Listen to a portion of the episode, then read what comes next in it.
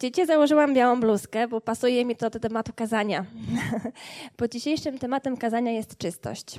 I zawsze, kiedy zakładam białą bluzkę, to właśnie staram się zachować jej czystość jak najdłużej, chociaż nie zawsze jest to, jest to łatwe. I właśnie kiedy mamy na sobie jakieś białe, czyste rzeczy, to staramy się nie chodzić w różne miejsca, nie dotykać różnych rzeczy, żeby wyglądać e, dobrze. Właśnie dla mnie kolor biały kojarzy się z czystością. Chciałabym dzisiaj właśnie podzielić się z Wami kilkoma myślami e, na ten temat. Myślę, że czystość, dziękuję, świętość i bojaźń Boża są powiązane ze sobą. Myślę, że też w jakiś sposób zależne od siebie i oczywiście niezbędne w życiu chrześcijanina. Są niezbędne, abyśmy w tej, jest to niezbędne, abyśmy w czystości przed Panem Bogiem chodzili. I tak zachowanie czystości zwykle kojarzy się z taką sferą seksualną, z, e, z taką czystością przedmałżeńską, wstrzemięźliwością, zachowaniem wierności w małżeństwie, ale myślę, że czystość nie dotyczy tylko tej sfery, a dotyczy każdej dziedziny naszego życia, bo mamy być czyści w ogóle od grzechów, nie tylko e, w tej sferze właśnie dotyczącej seksualności. Zanim spróbuję odpowiedzieć na pytanie, jak, w jaki sposób zachować tą czystość, jak, to, jak powinno to wyglądać w naszym życiu, to pozwólcie, że opowiem Wam taką historię z mojego życia, która wydarzyła się kilka tygodni temu. I tym samym rozpocznę punkt pierwszy naszego kazania, zatytułowany Uważaj, czego dotykasz. Wiecie, bardzo lubię orzechy włoskie. Takie najbardziej takie świeżutkie, kiedy się je tam zbiera z, e, z drzewa albo jeszcze zerwie, są w takiej skorupce i wtedy tak się fajnie rozupuje, obiera ze skórki, one są po prostu przepyszne, takie a wręcz słodkie. Uwielbiam właśnie ten smak tych orzechów i w tym roku jest urodzaj ogólnie wszystkiego, również orzechów, więc nie ma problemu, żeby się delektować tym smakiem. I tak pewnego popołudnia poszłam pod drzewo niedaleko nas, nazbierałam kilka orzechów, były takie piękne, takie duże i wieczorem na kanapie usiadłam i postanowiłam się zająć ich konsumpcją. Ale żeby się na ich zjeść, to trzeba je rozupać i tak dalej, i tak dalej. Nie przewidziałam tylko jednej rzeczy, że świeże orzechy tak strasznie brudzą ręce. Oczywiście mój mądry mąż popatrzył na mnie i powiedział, że będę miała brudne ręce, ostrzegł mnie. Ale ja mówię, jakoś tam je domyję. Tyle razy grzebałam się w różnych rzeczach, e, w ogródku, robiłam muszę przetwory z owoców, zawsze te soki jakoś schodziły. Postanowiłam zaryzykować, bo miałam tak wielką ochotę na te orzechy, żeby usiąść i je zjeść. I oczywiście jak wielkie było moje zdziwienie, kiedy nie mogłam się domyć. Próbowałam różnych sposobów, typu kwasek cytrynowy, soda, ocet, wszystko razem zaczęło mi się na rękach pienić, prawie że wyżarło mi tą skórę, ale brudu nie. Także naprawdę było to dla mnie e, szoku, że ten brud nie chce zejść. Wiecie, nawet próbowałam cifem i pumeksem, ale też nic nie dało. Potem miałam taką gładką skórę, ale nadal brudną, niestety. Przepraszam, trochę mnie zatyka, bo mam kaszel. Wiecie co? I najgorsze było to, że gdy, gdy, y, gdziekolwiek szłam, z kimkolwiek się spotykałam, to musiałam tłumaczyć się im, dlaczego mam takie brudne ręce, co ja robiłam, bo to było widać. E, zwłaszcza w sklepie, kiedy się płaciło, to tak się jakoś tą kasę dawało, szybko schowało kartą, ciach, ciach, nie? W pięści, żeby nie było widać. A już apogeum mojego wstydu był na wywiadówce, bo to było akurat tak ciepło, że nie można było założyć żadnej bluzy, ani nic takiego, żeby schować te ręce, albo zakryć rękawy. Siedziała koło mnie mama mojej koleżanki Monisi, miała tak piękne paznokcie porobione i w ogóle tak wyglądała. Ja tak patrzyłam na nią i te ręce z tyłu. Tak mi było wstyd, że mam takie brudne ręce. A widzicie, no trzeba słuchać mądrzejszych ludzi od siebie, zbierać doświadczenia. Już nie robię tego, że, znaczy już nie rozupuję tak świeżych orzechów, yy, tylko czekam aż trochę przysną, bo już wiem, jakie są konsekwencje tego, yy, tego że tak zrobię. Także słucham mądrzejszych od siebie i uczę się na własnych błędach, ażeby nie zbierać konsekwencji właśnie swoich złych decyzji. No właśnie, decyzje, które podejmujemy, niosą ze sobą zawsze jakieś konsekwencje. Mogą być te konsekwencje dobre albo złe.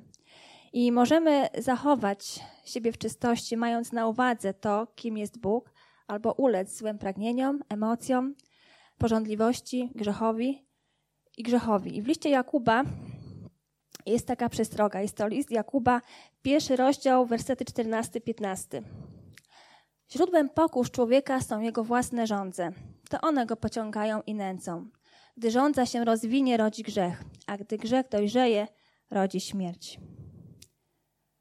Grzech jest jak plama pozostawiona na naszych czystych rękach albo na naszym czystym ubraniu. Po prostu jest widoczny. I to my odpowiadamy za nasz stan moralny, za to, czy zgrzeszymy, czy nie. Nie możemy nikogo winić za to, że zgrzeszymy. To nie jest nikogo wina, tylko nasza, bo to właśnie to, co jest w nas, to, co jest w naszym sercu, na, nasze pragnienia, nasze, nasze, e, to, co nas nęci, to, na co uwagę zwracamy, to, to właśnie e, wszystko zależy od nas, od tego, co, co jest w nas. Jeżeli, jeżeli, jakieś złe pragnienie pojawia się w naszym sercu, w naszych myślach, a my wokół tego skupimy nasze, nasze myśli, naszą uwagę, to nasza dusza zaczyna być w niebezpieczeństwie. Wiecie, y, jeżeli na, y, nie wiem, czy tak mieliście kiedyś, ale jeżeli na nasze tam macie czyste, odświętne ubranie y, i na tym ubraniu pojawi się pierwsza plama, to jeżeli tego nie wyczyścimy od razu, to każda kolejna, ona już tak nam nie przeszkadza. Już sobie pomyślimy, a już mam plamę, o tak jestem brudny, to już tak się nie będę tym przejmować. I wtedy człowiek straca czujność. Już wtedy tak się nie przejmuje swoim stanem duchowym, bo już tam coś się pobrudziło. Już nie przejmujemy się tym tak, że ta pierwsza plama na, tym, na naszym ubraniu, na naszym życiu się pojawiła. I tak jak pisał Jakub, zatraca się właśnie, yy, czekajcie, do tego wersetu wrócę. Mm, gdy rządza się rozwinie, rodzi grzech, a gdy grzech dojrzeje, rodzi śmierć. I takie właśnie stracenie czujności powoduje to, że możemy dojść do tak zwanej śmierci duchowej. Musimy bardzo dbać o świętość i czystość naszego życia. Co to tak naprawdę znaczy się ubrudzić? To jest punkt drugi. I o tym, jak łatwo stracić czystość w naszym życiu, opowiada historia Dawida, kiedy pozwolił sobie na to, aby jego porządliwość, aby jego pragnienie e, zagłuszyły bojaźń Bożą, z której on tak bardzo był znany w swoim, w tamtym czasie, kiedy żył. Bojaźń Boża i relacja z Panem Bogiem była cechą charakterystyczną Dawida. Ale była taka sytuacja, kiedy Dawid zgrzeszył z Batrzebą, kobietą, którą zobaczył i której zapragnął. I ta historia opisana jest w 11 rozdziale drugiej księgi Samuela. Trochę będzie czytania dzisiaj. Wiosną, w czasie kiedy królowie wyruszają na wojnę, Dawid wysłał Joaba wraz ze swoimi sługami i całym Izraelem i ci splądrowali ziemię Amonitów, po czym oblegli Rabę. Sam Dawid pozostał w Jerozolimie. Pewnego dnia w porze wieczoru Dawid wstał ze swojego posłania i przechadzał się po tarasie pałacu. Wtem zobaczył kąpiącą się kobietę. Była ona przepiękna. Dawid posłał, by dowiedzieć się o niej czegoś więcej. I wkrótce posłaniec doniósł mu, to Batrzeba, córka Eliama, żona Uriasza Hetyty.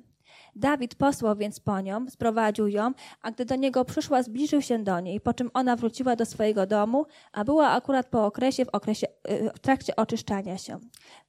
Y, druga Samuela, 11 rozdział, wersety od pierwszego do, do czwartego. Dawid zobaczył piękną kobietę. Zobaczył piękną kobietę, która się kąpie, więc prawdopodobnie była naga. I ten obraz kobiety zaczął w jego głowie pracować. Myślał o tym. Nie zatrzymał się, postanowił coś z tym zrobić, dowiedzieć się czegoś o tej kobiecie.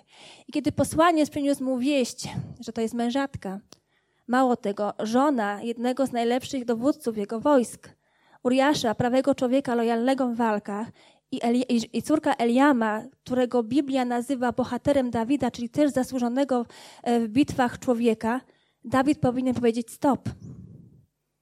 Powinien się zatrzymać, nie zrobić nic więcej, ale on tego nie zrobił. Przecież był mądrym człowiekiem. Powinien pomyśleć o konsekwencjach, jakie to jego zamiary mogą przynieść dla niego, e, dla rodziny, dla, nawet dla całego królestwa ale Dawid uległ swojej rządzy, uległ porządliwości. I to tak jakby dotknąć czegoś, tak jakby dotknął czegoś, co wiedział, że jest brudne i jeżeli to dotknie, to się pobrudzi, ale on to zrobił, tak jakby świadomy. Tak jak przytoczę tą historię z orzechami. Wiedziałam, że one pobrudzą moje dłonie, ale tak pragnęłam zjeść tego orzecha, że zaryzykowałam. I podobnie Dawid. Tak zapragnął tej kobiety, że zaryzykował i pomyślał sobie, jakoś to będzie. Ale niestety pojawiły się pewne problemy. Punkt trzeci. Gdy pojawiają się problemy z odplamianiem. Zaczniemy od czytania dalszej części tej historii. Wkrótce okazało się, że Batrzeba poczęła. Doniosła więc Dawidowi: Jestem w ciąży. Wtedy, Uriasz, te, wtedy Dawid posłał wiadomość do Joaba. Przyślij do mnie Uriasza Hetytę. I Joab tak zrobił. Gdy Uriasz przyszedł do Dawida, król zapytał go o powodzenie Joaba, o powodzenie wojska i o kolejne wojny. W końcu Dawid zwolnił go. Idź, do, idź już Uriaszu do domu i zażyj trochę wygody. A gdy Uriasz wychodził od króla, niesiono już za nim upominek królewski. Uriasz jednak nie udał się do domu. Ułożył się do snu w pałacowej bramie razem ze wszystkimi sługami swojego pana. Gdy Dawidowi doniesiono, że Uriasz nie poszedł do domu, król zapytał: Czy nie jesteś po męczącej podróży? Dlaczego nie poszedłeś do domu? Uriasz odpowiedział: Skrzynia pańska, Izrael i Juda przebywają w szałasach, mój pan Joab i słudzy mojego pana obozują w polu, a ja miałbym pójść do domu, jeść, pić i spać z żoną. Jak żyjesz ty i, moja, i twoja dusza, czegoś takiego nie zrobię. Wersety od 5 do 12 tej samej księgi, tego samego rozdziału. Podstęp Dawida się nie udał. E, pewność, że jakoś to wszystko zatuszuje, niestety uleciała. Tak samo jak moja pewność, że jakoś tam domyje te ręce moje po tych orzechach.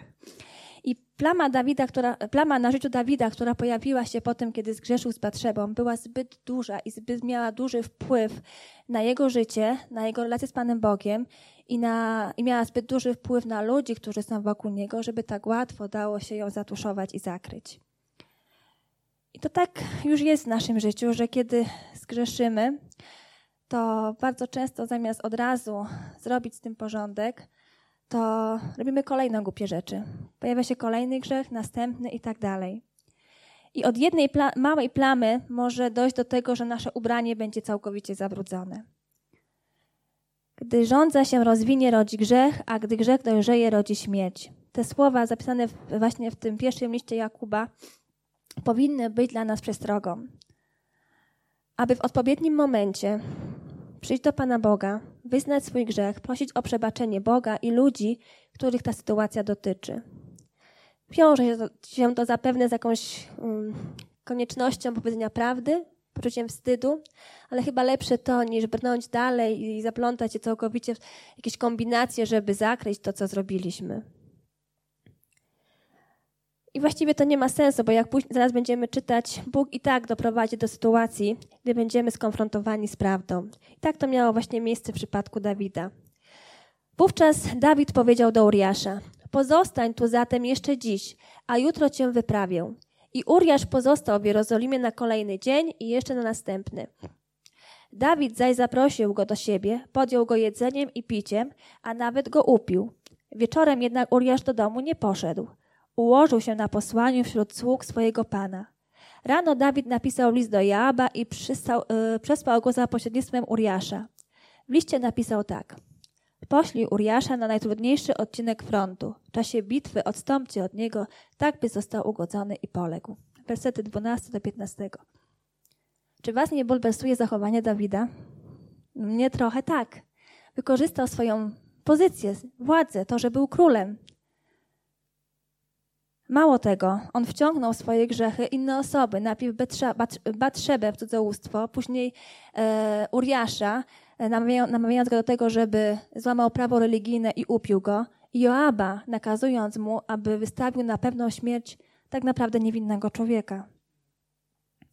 I nasuwa tutaj się taki wniosek, że trzeba bardzo uważać na stan swojego serca i na stan swojej duszy, aby ponieważ bardzo łatwo jest pobrudzić innych naszymi brudnymi rękoma.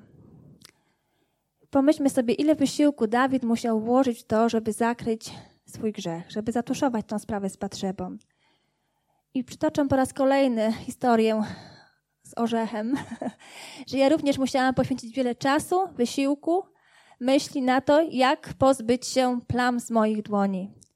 Jak już wspomniałam, cokolwiek chciałam zrobić, widziałam pomyślałam o rzechowcu, bo widziałam brudne moje dłonie.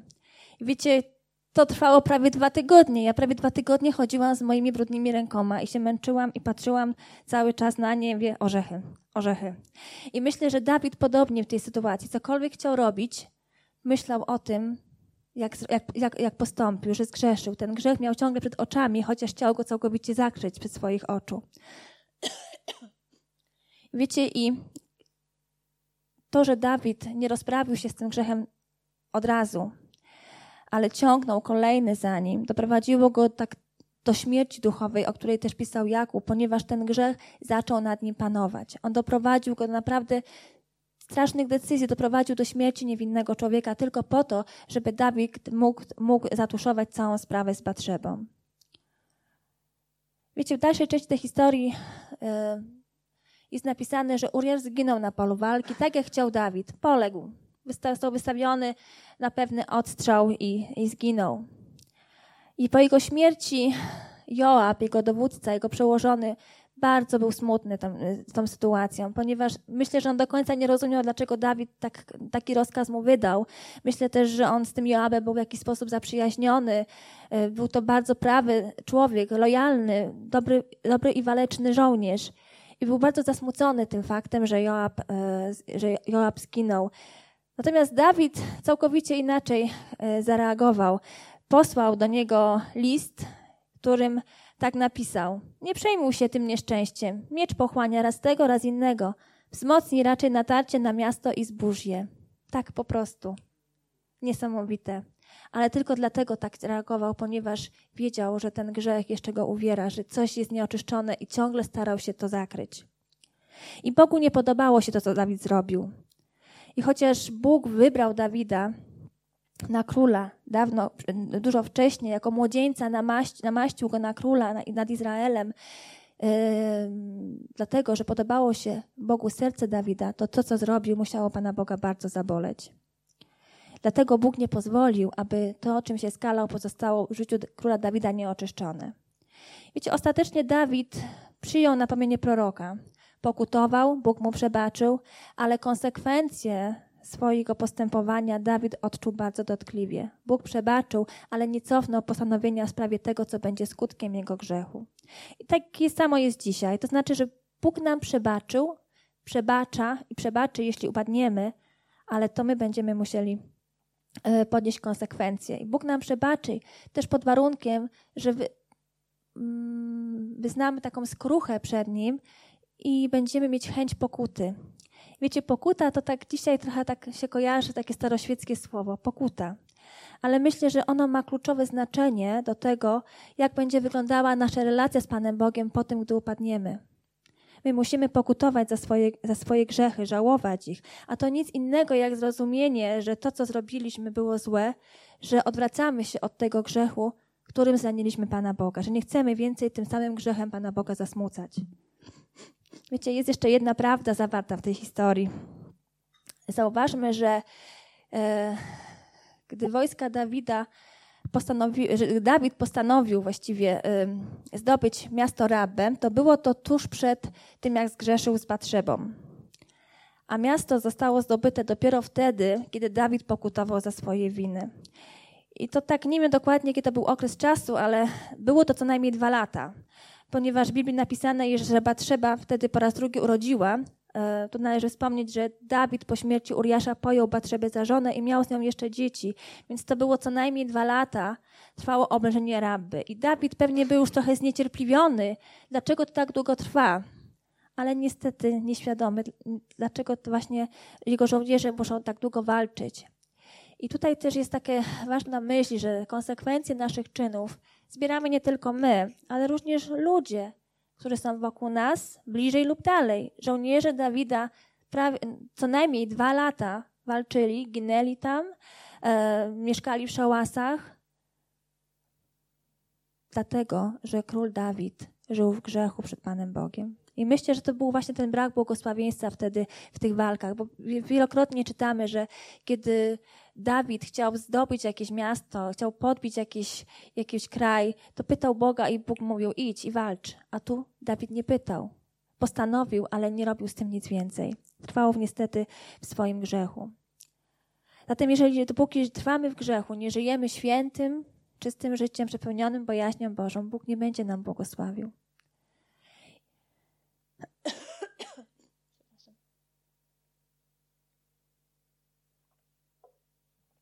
Punkt czwarty. Skuteczny odplamiacz. Tak nazwałam te punkty dzisiaj, jak pani domu.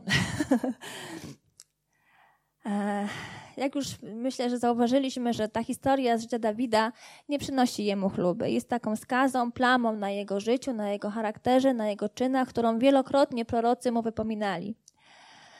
Nie chcielibyśmy, żeby nam ktoś wypominał tego, co zrobiliśmy, chociaż Bóg nam tego to przebaczył, ale tak było w życiu Dawida. Ale myślę, że to było ku przestrodze dla niego. Jak już mówiłam, Dawid znany był z tego, że żył w bardzo bliskiej relacji z Panem Bogiem. Jeśli czytaliście psalmy, czytacie je, to wiecie, że tak było, bo wszystkie psalmy są piękną modlitwą, rozmową Dawida z, e, z Panem Bogiem. Jak też już wspomniałam, jego grzech bardzo musiał Pana Boga zasmucić. I myślę, że w tym czasie Dawid nie pamiętał, a może nie chciał pamiętać o bojaźni Bożej, która właśnie cechowała jego życie. Bo wiecie, bo, tak myślę, że bojaźń Boża to nie jest to, że ja drżę przed karą, ale to jest miłość. To znaczy, nie robię czegoś dlatego, że boję się kar skarcenia, ale nie robię czegoś dlatego, że boję się, żeby kogoś nie zranić, żeby nie ranić. Kiedy chodziłam do liceum, to miałam takie towarzystwo bardzo ciekawe, z którym można było robić wiele głupich rzeczy. Można było spróbować, jak to jest upicie do nieprzytomności, jak to jest po narkotykach i wiele innych. Ale wiecie, tym, co mnie powstrzymywało przed tym, żeby tego nie robić, to nie, była, to nie był strach przed karą syn rodziców, zakaz wyjścia i tak dalej, ale było to świadomość, e, że to, co zrobię, może złamać serce mojej mamie. Widziałam, jak wielokrotnie płakała, kiedy moja siostra przychodziła do domu nietrzeźwa albo popyły narkotyków. Widziałam, jak to przeżywała. Wiedziałam sobie, że ja nigdy w ten sposób nie chcę mojej mamy ranić. I właśnie to jest bojaźń Boża. To, że widzę konsekwencje tego, co zamierzam zrobić albo chcę zrobić, i jeżeli te konsekwencje zranią Pana Boga, to tego nie zrobię, bo przecież Go kocham. I właśnie bojaźń Boża jest tym, co nas chroni przed grzechem. To jest taki płaszcz, który powinniśmy na siebie zakładać, żeby nie grzeszyć. Bo jeśli trwamy w bojaźni Bożej, to uciekamy od grzechu. My się tego grzechu boimy. Nie chcemy tego robić. I wcale to nie oznacza, że siedzimy w domu, zamknięci, nie wychylamy, nie rozmawiamy z nikim, bo a cóż, no może się splamie, może nie, no to nie o to chodzi. Bóg powiedział, że mamy być świętymi. Świętymi bądźcie, bo ja jestem święty, tak powiedział. Ale święty to znaczy oddzielony od grzechu, a nie od życia. Hebrajskie słowo święty właśnie to oznacza oddzielony i ma ono w Biblii dwa aspekty: oddzielony od czegoś i do czegoś. Najprościej mówiąc, aby być oddzieleni od grzechu dla Pana Boga. Bardzo ciekawie właśnie to pojęcie świętości i czystości opisał Oswald Chambers w jednej ze swoich książek. Napisał tak. Oddzielone życie jest wynikiem intensywnej, wąskiej czystości moralnej, nie zaś wąskiego umysłu. Duchowa perspektywa Jezusa Chrystusa była tak duża jak Boża, a w konsekwencji tego mógł iść wszędzie na biesiadę weselną, życie społeczne jego czasów, bo jego moralność była absolutnie czysta. I tego chce od nas Bóg. Bóg powołał nas do świętego, czystego życia przepełnionego bojaźnią Bożą. To tak, jakby ktoś nas znalazł całych brudnych, od stóp do głów, brudnych, potarganych ubraniach, brzydko pachnących i postanowił to zmienić. Umył nas, zabrał te brudne rzeczy, dał czyste, nowe, pachnące. Nie chcielibyśmy się już po takiej odmianie czuć i wyglądać jak poprzednio, prawda? Chcielibyśmy zachować ten stan. Ja sobie zdaję sprawę z tego, że bardzo trudno chodzić jest w czystych ubraniach cały czas, że czasem zdarzy się jakaś plama, jakieś potknięcie, jakiś upadek. Co wtedy? Przede wszystkim musimy pozbyć się tego, co nas obciąża. I nie taki sposób, jak to robił Dawid, że tuszujemy, tuszujemy, tuszujemy i ta warstwa ciągle rośnie. Nie, to trzeba od razu wyczyścić. Takie mi się porównanie nasunęło, że kiedy chcemy wyczyścić jakąś plamę z dywanu albo z kanapy, to musimy użyć specjalnego środka na plamy, prawda? Skutecznego, z gwarancją, nie wiesz, potem nie wyczyścić tych plam, skutecznego i z gwarancją powodzenia. Jeżeli będziemy to robić na takie różne sposoby, typu może zejdzie, to efekty mogą być różne. I ostatnio nawet rozmawiałam z jedną osobą, która opowiadała mi, jak to chciała wyczyścić plamę z kanapy po tuszu od długopisu. I wiecie, efekt był niestety marny, ponieważ, to był, y, ponieważ zamiast ta plama zejść, to się jeszcze bardziej roztarła i była bardziej widoczna. I dlatego, że ta osoba nie użyła odpowiedniej, odpowiedniej metody, aby tą plamę wybawić. Tak samo było w życiu Dawida. On chciał wybawić swoją plamę, ale niestety nie, na takiej zasadzie może jakoś to będzie, to nie wyszło. Jeśli w naszym życiu zdarzy się jakiś upadek, jakieś potknięcie, coś, co zanieczyszcza nasze życie, to powinniśmy zastosować odpowiedni środek na plamy. Wiecie jaki?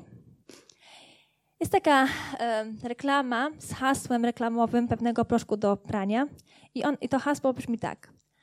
Jeśli to ma być czyste, to musi to być wizir. Pamiętacie? A ja to przeniosę na nasze życie. Jeśli nasze życie ma być czyste i święte, to musi być nim Jezus. Amen? Nie ma innego skuteczniejszego środka na grzech, jak y, relacja z Panem Jezusem. To On przelał za nas swoją świętą krew na krzyżu, która nas oczyszcza z każdego grzechu. On ją przelał za mnie, za ciebie, za każdego człowieka, aby każdy mógł od nowa zacząć. Być od nowa znowu oczyszczonym, w czystych, świeżych ubraniach, w, jedność, y, w, y, w czystości, obfitości znów zacząć swoje życie. I jak już wspomniałam, Dawid pisał piękne psalmy. I jeden z tych psalmów, 51, zatytułowany jest Prośba o odnowę. Dawid napisał go wtedy, kiedy z, po grzechu z Betrzebą, kiedy już pokutował. Chciałabym kilka tutaj wersetów przeczytać. Zmiłuj się nade mną, Boże, stosownie do swojej łaski. O swojej wielkiej, swojej wielkiej litości wymasz moje przestępstwa.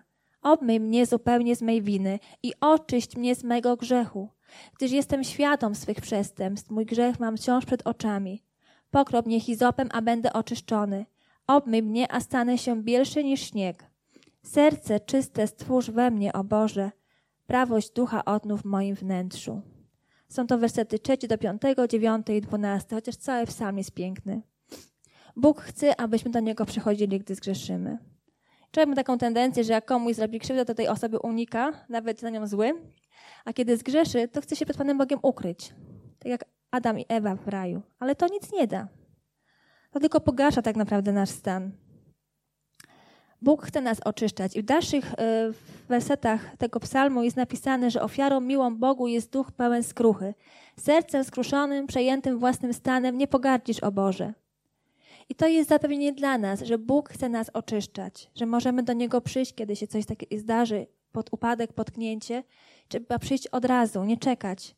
Ale też musimy pamiętać o tym, co Pan Jezus powiedział do kobiety przełapane na cudzołóstwie. Powiedział, idź i nie grzesz więcej.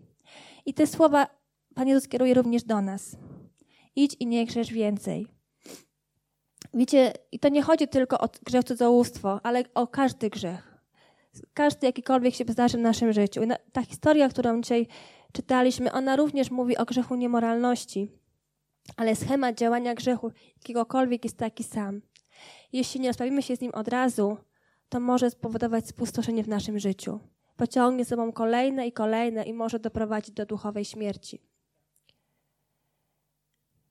Jeśli mamy z czymś problem, jeśli nie powinniśmy chodzić w pewne miejsca, spotykać się z pewnymi ludźmi, oglądać różnych, różnych rzeczy, czy robić pewnych rzeczy, to nie róbmy tego. Porządliwość to jest bardzo duża siła, jest ogromna siła i pożądać można wielu różnych rzeczy. Jeśli nie ugasimy jej od początku, to może doprowadzić niestety, ale tak jak mówiłam, do tej naszej duchowej śmierci. Unikajmy tego, co ma na nas zły wpływ. Nawet Pan Jezus bardzo ostre słowa powiedział – jeśli twoje oko cię gorszy, wyłup je. Jeśli twoja ręka cię gorszy, odetnij ją, bo lepiej, żebyś trafił do nieba kalekim, niż cały zatracił się w piekle. To są bardzo mocne słowa, ale jakże prawdziwe i potrzebne, myślę, w naszym życiu. Bóg w swoim słowie dał nam wiele obietnic i pragnie, żebyśmy z Nim mieli taką prawdziwą relację opartą na miłości. I będzie to możliwe, jeżeli w naszym życiu, w naszym niezbędniku nie zabraknie tej czystości. Bóg nawołuje, abyśmy mając w pamięci Jego obietnice, a w sercu Jego miłość, dokonali wszelkich starań, aby oczyścić nasze życie z każdego grzechu, ze zła, żebyśmy mogli i żebyśmy nie plamili tego, e, nie, plamili tego życia e, już więcej. Jest taki jeszcze fajny werset, który chciałam na koniec przeczytać. To jest drugiego listu do Koryntian, siódmy rozdział, pierwszy werset. Mając przeto, na, ta, mając przeto takie obietnice, najmilsi, oczyśćmy się z wszelkich brudów ciała i ducha, dopełniając uświęcenia naszego bojaźni Bożej. Ja sobie zdaję sprawę, że ten dzisiejszy temat trochę może nas konfrontować i też może w pewien sposób dotykać. Nie konfrontuję, bo wiem, ile jeszcze rzeczy muszę posprzątać w swoim życiu takim duchowym, w relacjach z ludźmi, ale wiem, właśnie wiem, że Bóg mnie dopinguje, że On jest po mojej stronie, że jeśli przyjdę do Niego i wyznam, że tu, Panie Boże, upadłam, tu mam z tym problem, pomóż mi, to będzie mnie dopingował i będzie mi pokazywał te rzeczy, które Mu się nie podobają. I zanim Bóg przyjdzie i zrobi test białej rękawiczki, to będzie nam pomagał.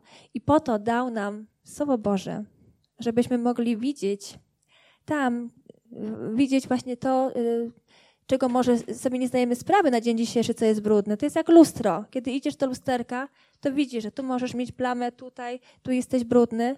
Bez lustra tego nie zobaczysz, chyba że znajdą się ludzie, którzy ci to powiedzą. Ale Biblia jest najlepszym lustrem duchowym do tego, żebyśmy mogli zobaczyć, gdzie jest plama, gdzie jest brud, co trzeba posprzątać.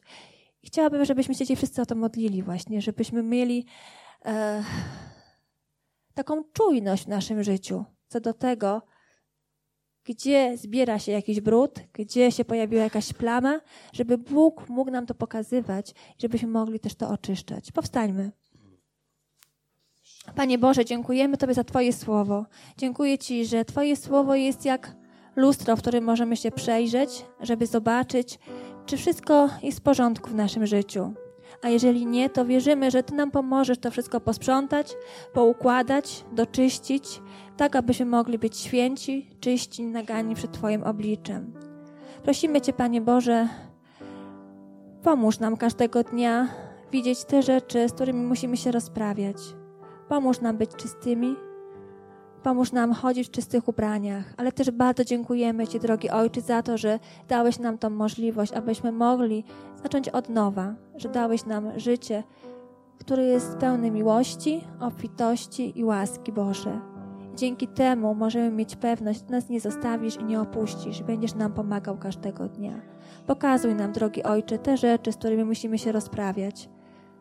Prosimy Cię, Boże, aby Twoja święta krew obmyła nas z naszych win, obmywała, kiedy jest taka potrzeba, Panie, i żebyśmy mieli tą świadomość, tą świadomość bojaźni, czym jest bojaźń Boża i żebyśmy, Boże, nie robili rzeczy ze strachu, ale dlatego, żeby Ciebie nie ranić, byś nasze serce przepełniał miłością do Ciebie i ta miłość, żeby nas kierowała ku dobrym rzeczom. Amen.